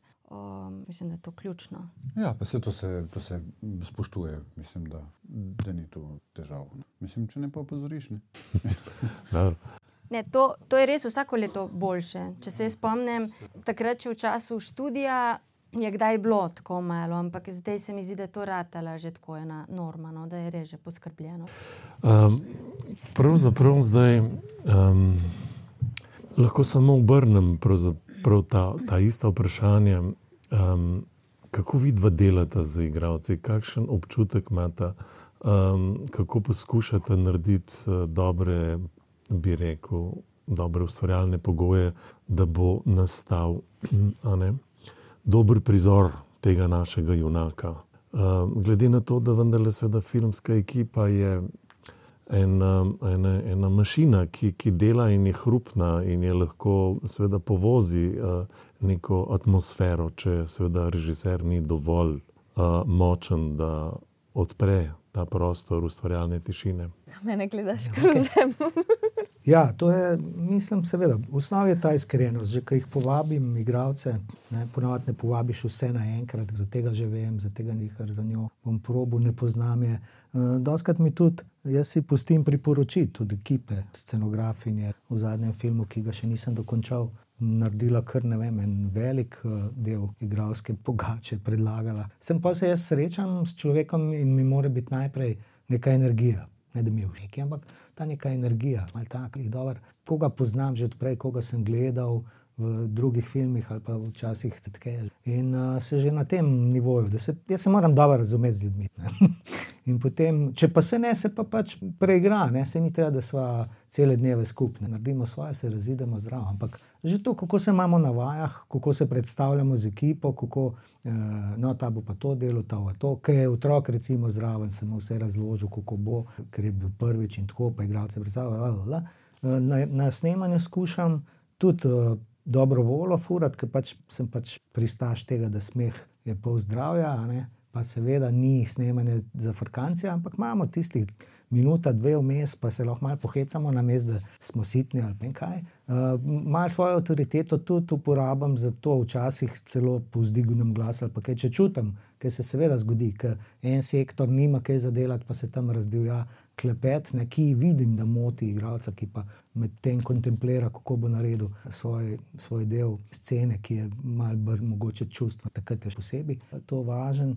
Uh, pa še ena stvar je, ki jo zelo cenim, če jo pri igralcu prepoznam in sicer uh, vzdrževanje te uh, energije, prisotnosti, tudi ko ni v kadru. Ne? Prižiganje, ugašanje. Eni so mojstri in seveda če si cele dneve na setu, cel life na setu, ne, uh, se moraš malo ugasniti, vmes. Ampak potem, ko pride do prizora, pa je plan, kontraplan, pa ti pomagaš svoj igravki, da odigra svoje, da si tudi takrat dober, ne pa samo mečeš replike. Ne. To se mi zdi zelo pomembno da igravci in ponovno večina je to razumejo, ne pa jaz sem svoje naredil, grem zdaj dam. Včasih se pa zgodi, ne, da mora človek šibati v Maribor na bladi predstavo, nam mora pa še izpovedati ljubezen. Temu se seveda iz, izogibamo, ampak včasih je tudi tako. No. Sam super je, ker imaš pa vse, ne. jaz imam doska tudi da sem imel tako po 4-5 ljudi v, v sceni in ima do ona, če en fali, je zelo nerodno. Seveda se da speljati, posnameš uno, itak montiraš pol, ampak če imaš vse zraven in če so vsi prižgani ne, in z dobro energijo pomagajo svojim igralcem, svojim igralcem je to stokrat lažje. Pa seveda pol po snemanju. Za te reakcije ne vem. Jaz ne znam, tudi predvsem sem šlo v teh, vem, kaj hočem, ne vem, kako povedati, jasna stvar. Pol pred, že prvajah priješ, pa pa ugotoviš, da ta scena pa ne sme čistko, da mi to predebatirati še enkrat tik pred, da, da, da, pa čez dan se kaj spremeni, pa rečeš, fakt, ta, ta stavek je odveč. In poigral si, hvala Bogu, točno to. Kaj nisi rekel, ja ne vem, sem mislil, da smo to kad vadili. Še na snemanju ugotoviš, glupo je, to ne sme on reči. To je brez veze, spustimo to, bum, pa se iz, enostavno izboljša. Se pravi, tudi na snemanju so še mo možnosti za izboljšave, ne, čeprav smo to kvaliteti. Ne znam drugače, to so filmi, je veliko, težko je. Um, mislim, je kaj dosti dodati, po moje, nisem tako pametna, jaz se učim delati z igravci, nisem pa snela še prav veliko filmov. tako da. Um, Mislim, kar se zdi meni pomembno, ene stvari sem se pač naučila na prvem filmu, pa jih poskušam zdaj še malo dodelati, pa ene oči stvari poskušam na novo. Vem, um, zdi se mi res pomembno imeti veliko časa prej, pa ne nujno zdaj, da si igravci vzamejo dva meseca za to, da bojo vadili. Ampak vsaj, da jih imaš, da jih imaš um, v ekipi čim prej, no? čist zato, da vsi malo razmišljamo lahko um, da spijemo kišno kavo, pa kišno pivo, tudi če je še pol leta do snemanja ali pa še več. Da mal predebatiramo, da se nam kišna utrne, kišna zadeva, kišna asociacija. Um, to se mi zdi ful pomembno. Um, ful pomembna stvar se mi zdi in se mi zdi, da opazim, če kdaj res to ni dobro, um, da se ljudje, ki se na filmu poznajo, tudi v resnici, da se igravci poznajo, da ustvariš ne, pred snemanjem te neke, mislim, pa se to je včasih malo smešen, ampak, ampak nekdo, ki igra, ne vem, poročen par, pa da se na vajah tako usedeta za mizo, pa začneta brati dialoge, prvič v lifeu, ne vem, meni to nekako ni tako všeč. No? Mi, mi je lepo, da se ljudje spoznajo. Ljudje, ki so cimri na filmu, ko kar že dve leti živijo v istem stanovanju in hodijo, čakajo pred VC-jem, da bo on se pokakal in šel naslednji not in dva. Mislim, se mi zdi, da je fajn, da, da imajo neke skupne izkušnje in poskušam to nekako pomagati oziroma omogočiti, oziroma ne z igravci iti čez neko to. Te, te, ki morajo imeti nek tak odnos, ki se tako, kot je mojca rekla, kot zagledaš nekoga, ki gre mimo sobe, ki ga poznaš, ker je tvoj cimer v študentu že vem, pol leta. Recimo, drug, mislim, to se vidi, se mi zdi. No? Včasih se to vidi, sploh pri določenem tipu filma, ki je nekaj, kar mogoče čemu jaz poskušam stremeti, ali pa taki filmi, kot jih jaz poskušam delati. Se mi zdi, da so te stvari pomembne. Um, pa da jim je treba dati čas, pa, pa za me niso vaje to neko branje. Mislim, to branje dialoga tudi pride, seveda, vedno ne? je cajt tudi za to in se mi zdi, da je važen. Ampak prva faza je bolj neki pač vzpostaviti neke odno tako, odnosi med ljudmi, pa predvsem odnosi tega glavnega lika z vsakim od ljudi, s katerimi se srečuje, pa tudi drugih med sabo. To se mi zdi da je najbolj pomemben vzpostaviti na vajah. Uh, na snemanju pa, ja, mislim, ena stvar, ki sem, pač čist, um, ki sem jo odkrila šele pol, ko sem pač ta svoj prvi film posnela, pa sem se pol enkrat jaz znašla pred kamero, pa to je bilo res tako, pač kot nekdo totalno brez izkušenj, pa še res ekstremno nesigurna sem bila pa sem mislila sama zase, tako da pa se jaz pa na snemanju, pa se izigravci, pa se sem, ne sem kot neka opora, poskušam jim dati nek, nek feedback, sej, sej delam z njimi. Ampak um, tako sem še kar imela v redu mnenje oseb na snemanju kot režiser, ki igravcev. Pa sem bila pa na drugi strani, pa sem, pa sem se počutila tako. Delala z režiserjem, ki tudi ima podoben pristop, ki je res se najbolj na igralce fokusira od vseh pač stvari tam možnih. Pa sem še vedno imela občutek, jo, včasih, da kako jaz tukaj delam, jaz tukaj štrlim, da te mi kaj povedati. Tako sem videla, kako je res važna ta komunikacija sproti in koliko pravzaprav, kar me je pa šokiralo, mogoče tudi zato, ker sem bolj ta človek, ki si. Tako no, predstavlja bolj ta efekt, kar, ne, kako pol to izpade. Kako jaz pred kamero, ko tam nekaj izvajam, govorim, nimam pojma, kaj pol to je v kadru. Nimam pojma. Ful me zanima, če vi imate, um, ki ste pač izkušeni, igravci, um, profi. Ampak meni se zdi ta percepcija režiserja, kaj v resnici igravci počnejo in kako to zgleda. In percepcija igravca, ki je noter v tem, kako to režiser vidi, to sta dve res.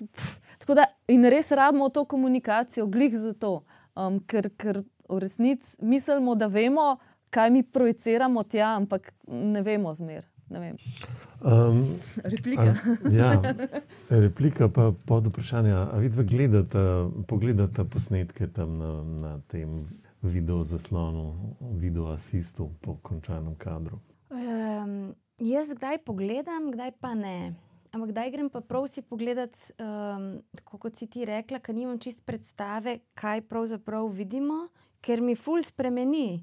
In se spomnim um, po koncu faksa, zdaj ne vem, kako je zdaj igra pred kamero, mi smo to imeli takrat kar precej uborno in praktično sploh nisi imel uh, prave, ne, prave predstave. In dejansko, če imaš ti groplan, mislim, ja, zmanjšaš stvari ne, in obratno. Um, tako da kdaj se grem čist iz tega pogledati, ker nisem čist zihar, kaj pravzaprav lovimo. Uh, ja, skoraj vedno, skoraj za vsak, uh, za vsak prizor. Ampak čisti iz tehničnega, včasih potem, ko rečeš, joj, ne, ne gledati, ker bolj boš sebe gledal, pa si boš všeč ali pa si ne boš všeč. Jaz pa tega sploh ne gledam. Jaz gledam včasih čist tehnično, ali gledam pravilno, ali sem, ker si na svetu pol pogledam, kje je tisti fikus, ob katerem moram biti, pa to, ali sem zgrešil kader, ali stojim na pravem mestu, ali tam od zadaj, ko sem nekaj probo, če imam še manevrski prostor, da še kaj naredim. Čist, čist tehnično, mislim, je. Um, to, kar je Urša rekla, ja, režiser gleda ene druge stvari, pa gleda celoto, jaz imam pa tako, no, kot en fusbaler, jaz pa si na tistem malem vidim, če se da še kak dribling narediti, če kako podajo, preden podam žogo naprej. Si iz tega eh, tehnično stvar, mislim, da, da je potrebno gledati. Ja. Evo, jaz sem zdaj izkoristila, vidim tam le v beli majčki mladega režiserja, s katerim sem snemala zdaj te dni. In je bilo zanimivo, ne, um, ker je bilo prav to, um, kaj je on želel dobiti, in v bistvu vse igralske reakcije in akcije so bile pravilne, ampak ko smo šli pa vsi trije, jaz, Pija in Urban Kunterič, pred ta zaslon in smo gledali, smo pa ugotovili, o moj bog. In je Pija rekel, ne, vse je ok, samo obrniti se moram. In s tem, ko se bomo obrnili, bo še zmeraj oba v fokusu, ampak večji fokus bo na njemu, ki mora biti tam. Prej je bila pa tako. Ne? In ta mala reakcija je bilo postavljeno, je bilo narejeno, ne? kar se tiče čustev in vsega, je bilo pa identično. Tako da je fino iti pogledat. A, tudi to je del ne, tega procesa. Ampak nekaj me še vseeno zanima, tako vidva sama pri sebi. A, a imata ta senzor, a, recimo, ki vam v določenem trenutku reče, da to je to, to je živo, to pa je. Ali tako kot uh, Urša, ki je rekla, da ni imela pojma, kvazi, je to dobro ali ni to dobro. Um, torej, uh, vidva imata to, ta senzor, ki pove, da zdaj pa je, zdaj pa smo na cilju. Jaz vem, da takrat, ko se ne slišim, ker se pač teče, ki si, takrat je, mislim, takrat je živo, takrat je pristno. Ko pa jaz svojo repliko slišim, ker je dejstvo, je, mislim, smo fizično telo, pa imaš to čustveno telo, imaš ta mental in kdaj je to vse razpršeno. Ne? In se mi zdi, ko to vse skoči skupaj, si živ tisti trenutek. In ni, ker kdaj pa nekaj rečeš, vsaj jaz imam tako, pa se slišim, pa že istočasno, ko greš, rečemo, moj bog, ko sem zdaj to rekla. In to lahko glih sam rečeš, ok, stop. Ne? Ja, včasih greš lahko ravno to pogledati nazaj, kak si eno repliko rekel. Ali je tisto zvenelo ali ne, Recimo, da preveriš, da vidiš, če, ali je tvoj občutek. Ja, ampak načeloma mislim, da ja, seveda, vsi, mislim, jaz zagovarjam, da mi vemo na svetu, kaj delamo. Ne? Se trudiš se vedeti in, in, in da, da ja, imaš nek občutek, ko je dobro, ko je v redu. Ne? Se pa nam je zgodila enkrat na zadnjem filmu v Sloveniji, ko sem ga snimal, zelo dobra situacija. Smo bili 15 je bilo v sceni in smo jo delali, delali, delali, delali, dovolj časa smo imeli tudi, da smo večkrat posneli in ena nam je res perfektno uspela. In smo vsi bili zadovoljni, od režiserja do igralcev. In je rekel, super, imamo to. In je, pa si čez minuto premislil. In rekel, pa dajmo iti še enega, ker imamo, ker imamo še čas. Je pa ta energija, ta neka lakota, uh, kako bi rekel, ne vem, ta ena, um, ti nabrušeni zobje, da, da gremo po ta plen, so pa zginili in jih nismo mogli na silo več nazaj narediti. In, in je, ampak je bilo načeloma vse isto ampak ni pa bilo, ni pa bilo noter te pozornosti, te koncentracije, te um, predanosti, ker, ker je bilo prav, prav, dobili smo kljukico, prav kot otrok, dobil si priden, pobožali so te po glavi in, in, in je šlo. Ma, zgodi se in to je fulno, tako ko imaš, sploh ko je več, ne, igralcev in ko je ena scena in ko se kdaj zgodi ta. Ti čutiš, mi to čutimo, to je res uh, živo, tako da bi dokumentarc snel, mislim, živo je, lik, mislim, ti si ta lik v moment. Meni se zdi tako, kot da bi vsem naenkrat prišlo ne? in si, ah, in pa rečeš, že no, pa dajmo še enega in ti je kaj, ah, res, ah, ne morem. Ja, sam, se neki siliš. sam Ne, sej, ja, sej Ne. ta sam je, ja, sej, to, je, to razumemo. če, če smem. In potem je še montaža. Ne, ne, ne, ne se strinjam, včasih začutiš, da so bili pa zdaj vsi. Sploh če je, če je tako, da ni montaže, pol, ne, če vsi sedijo vseh pet in piči sceno, to je sicer redko, da je taka postavitev, da se jo da tako izvesti, ker to je pol plakatna, verjetno forma ali pa komplicirana. Kako bi rekel, mizna scena, kjer pol fokus se spremenja, ne, enkrat na tem igralcem. Uh, včasih prije, mislim, uh, vsem sem pet filmov, sem pač zmon, e, več sem jih celo zmontiral še zraven, pa kratkih, pa dolgih, pa reklam, pa tega.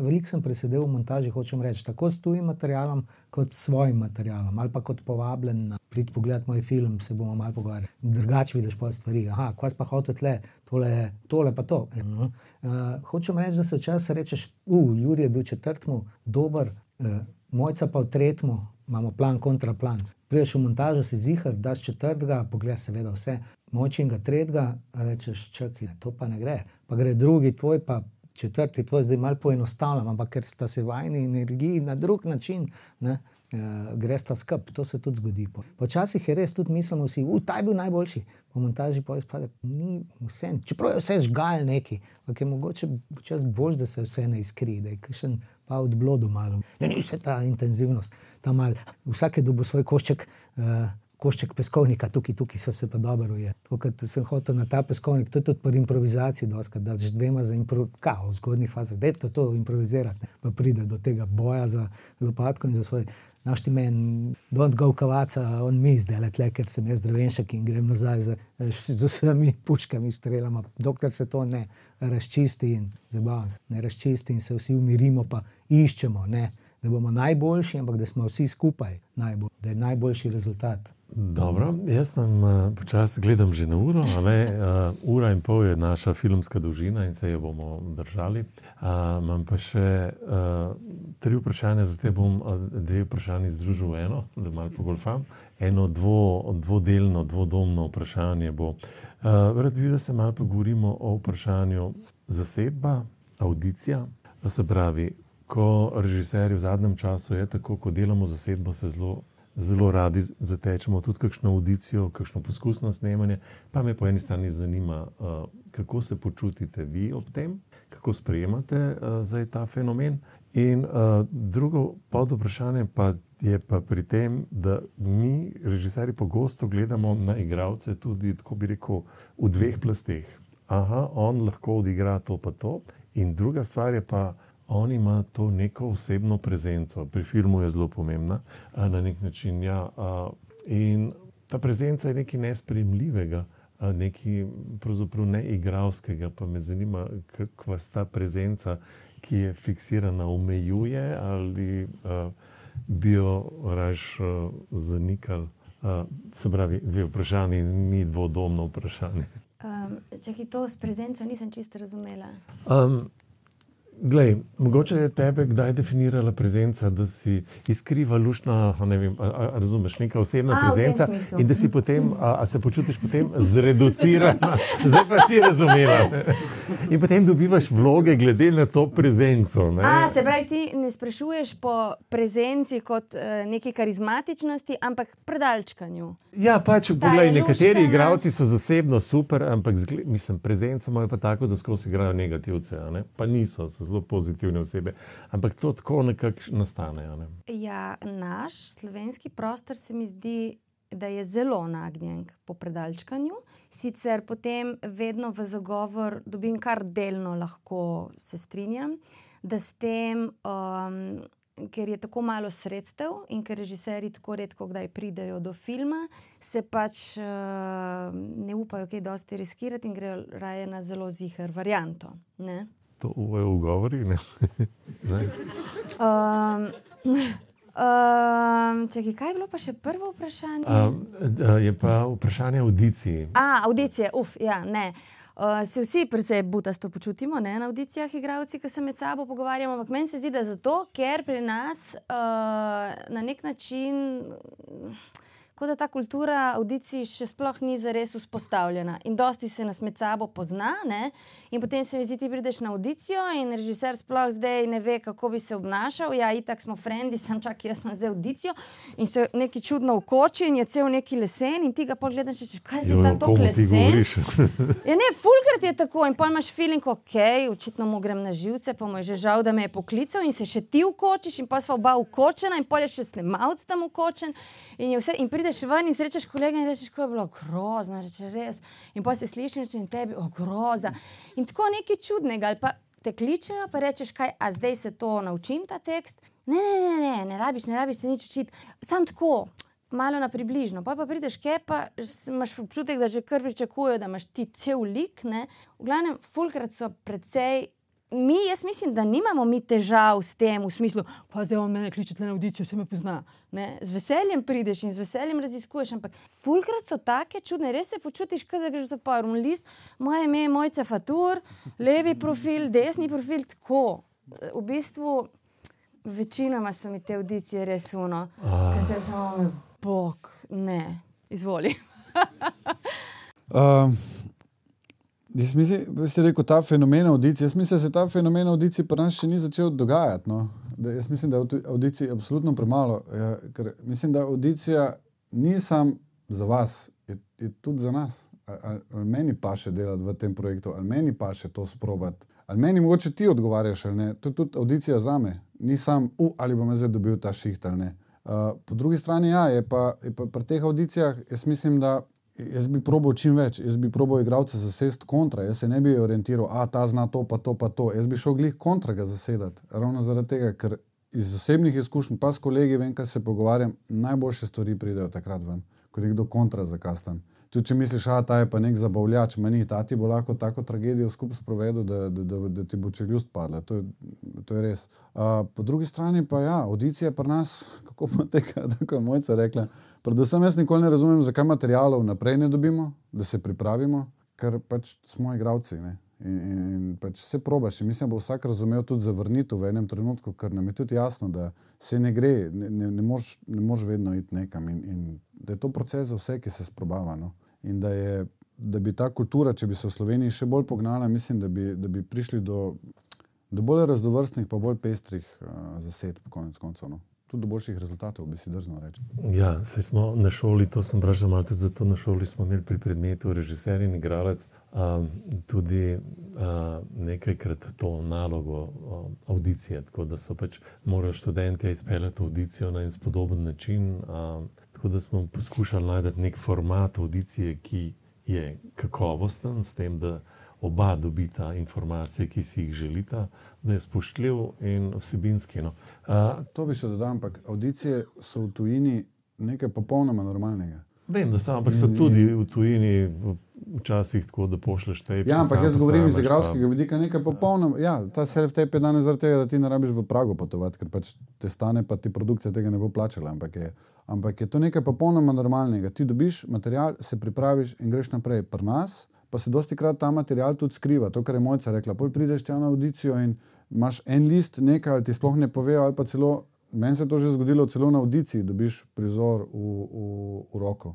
Jaz osebno takrat ne vem, ali sem jaz na audiciji kot oseba, ali zdaj odgovarjam za ta lik, ali kot igralec, ki ne bi bral te prizore. Ampak jaz kot igralec teh prizorov nisem ne prebral, nisem si mogel ne mnenja o njih ustvariti, nisem mogel niti premisliti enkrat, ampak moram zdaj neke ad hoc rešitve dajati ven in se zatečem k tem nekim trikom, rekovajo, ki so bolj uspešni ali pa manj. In, in sem tudi jaz v stresu, potem, ker ne vem, kaj naj delam. Ampak jaz pa mislim, da če bi se pripravil na neko stvar, kar pa je največ, kar se zgodi, rečejo mi ne, imam šiht v žepu, ne, se ga predtem tudi nisem imel. Ja, hvala, to je zdaj žogica z močnim udarcem priletela na našo stran. Forehand ali backhand. Krem, backhand udar. Ja, jaz eh, seveda delam in audicije in izbiram igralce kar na podlagi včasih energije in tvegam ful. Ampak eh, seveda za enega otroka, osemletnega, audicijo, ampak mu ne dajem. Recimo zato, ker so No, ampak to je specifična Se situacija, saj, jaz ja. moram o svoji specifiki. Pač. Jaz bom povedal, koliko koliko imam jaz s tem izkušnje. In potem otroka gledam, ga najdem. Ta, ki sem ga zdaj zbral, med 150 je prišel drugi. En, ki sem ga za glavno vlogo v enem mojem drugem filmu zbral, je prišel tretji in se je doskrat tako obnesel. Se pravi, zbiranje po energiji, otrok, govorimo. Pa pa počasi se spoznava, pa da pogled, kako si ti kdaj žalosten. Ja. No, kako pa pogledaš, če si, mislim, zelo take. Veš, če bi te rekel, da je pogled žalostno, Juri. Malo bolj oči odpri, a, kul, kul, dobiš, dobiš. To je bilo zelo treba.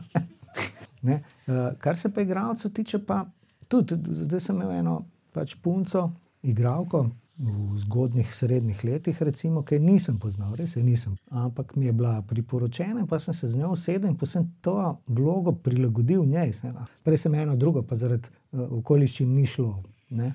Aha, ona je pa tako. In sem res dejansko lik spremenil, dialoge spremenil in še eno pod zgodbo je dal, da je zelo ljubljena z enim, ker mi se mi je zdelo to, to, to, to. tako, no, na ta način, čist kontra. Pol pa sem pa imel pol še par audicij, v bistvu za skoraj da statiste, ker skoraj mogoče reče en stavek ali pa pol stavka ali pa sam gleda. In tudi tam, o, ta mi paše, ta bo skozi tam sedel, s tem skupaj boste v tandemu, te neke stvari. Audicija za statiste tudi. Um, hm, audicije, ja. Meni so ratale kul. Cool. Zadnje čase. Zato, ker spoznaš tudi, mislim, kul cool pa ne kul, cool, grozen je, ker ti imaš sam tok pa tok ulog, tam pa pride 200 ljudi, pa od tega ti je 10 všeč, pa imaš dve vloge zadati. Um, ali pa je nekdo, ki je super, pa je tako, ti si super sam za nek čist drug film.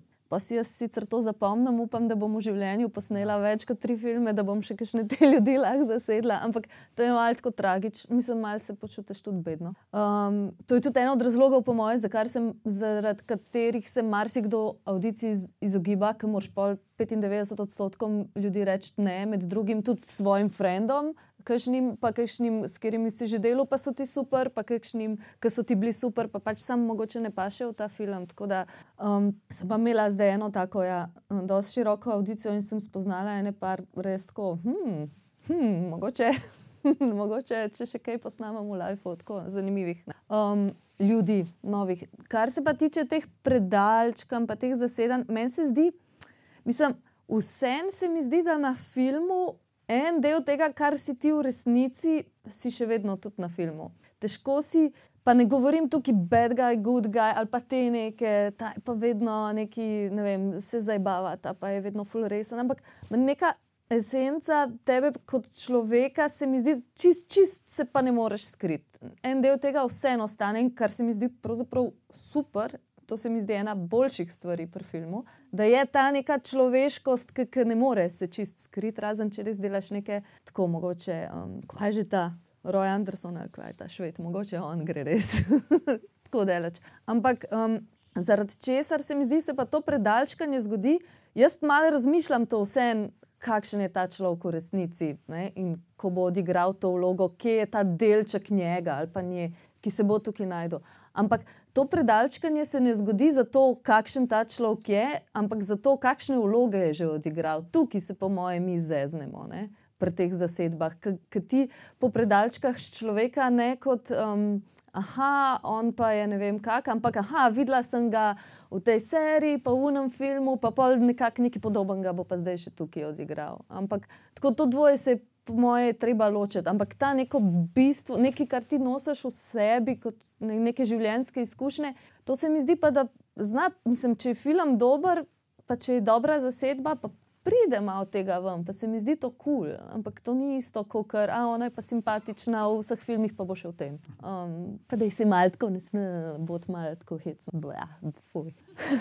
Um, dobro, uh, ta, te odgo- ta audicije so me malo presenetile, jaz sem jih tudi počel, pa je bilo vedno zelo, zelo fajn. Uh, se mi zdi, da za me osebno, pa verjetno tudi za druge režiserje, uh, so audicije zelo pomembne, če so seveda dobro izpeljane. Uh, tudi zato, ker na takih nekih poskusnih snemanjih, če si seveda uh, režiser vzame dovolj časa, pa igralec tudi. Um, zasedba, ki nastane na ta način, je bistveno bolj čvrsta. Se pravi, režiser, ki je prišel do zasedbe na način, da je preveril predtem, bo v tega igralca bistveno bolj verjel, kot če bo to na pamet se odločil, pa potem, bog ne da je sredi snemanja po domu, o, sem se jaz prav odločil, mogoče pa ne. E, tako, hočem reči, da a, bi bilo zelo dobro, da skupaj te audicije razvijamo do te mere, a, da, a, da bodo v bistvu utrdile končne odločitve in omogočale seveda boljše, bolj iskreno sodelovanje. Ne. To naj bi bil namen, ampak očitno še nismo popolnoma shodili. Uh, dobro, uh, zdaj jaz sem poskušal malo usmerjati uh, ta pogovor. Verjetno sem ga po določeni meri tudi malo omejeval, uh, zato bi na koncu še vprašal, če ima kdo zapovedati nekaj, česar nisem vprašal. To so pa najbolj zanimivi odgovori. Ne, ne. Potem lahko rečem, da je minilo točno ura in pol. Uh, odkar smo začeli, zahvaljujem se vsem sogovornikom in seveda tudi vam, a, ki ste nas poslušali. A, in upam, da bo prihodnje še več a, takih pogovorov na teh, a, bi rekel, relacijah in ustvarjalnih vseh, ki jih je bilo mogoče premalo. A, in me veseli tudi, da šola gosti takšne pogovore, da bomo vsi skupaj čim bolj povezani in da se uh, bomo čim več pogovarjali in čim bolje sodelovali. Hvala. Hvala. Hvala. Hvala.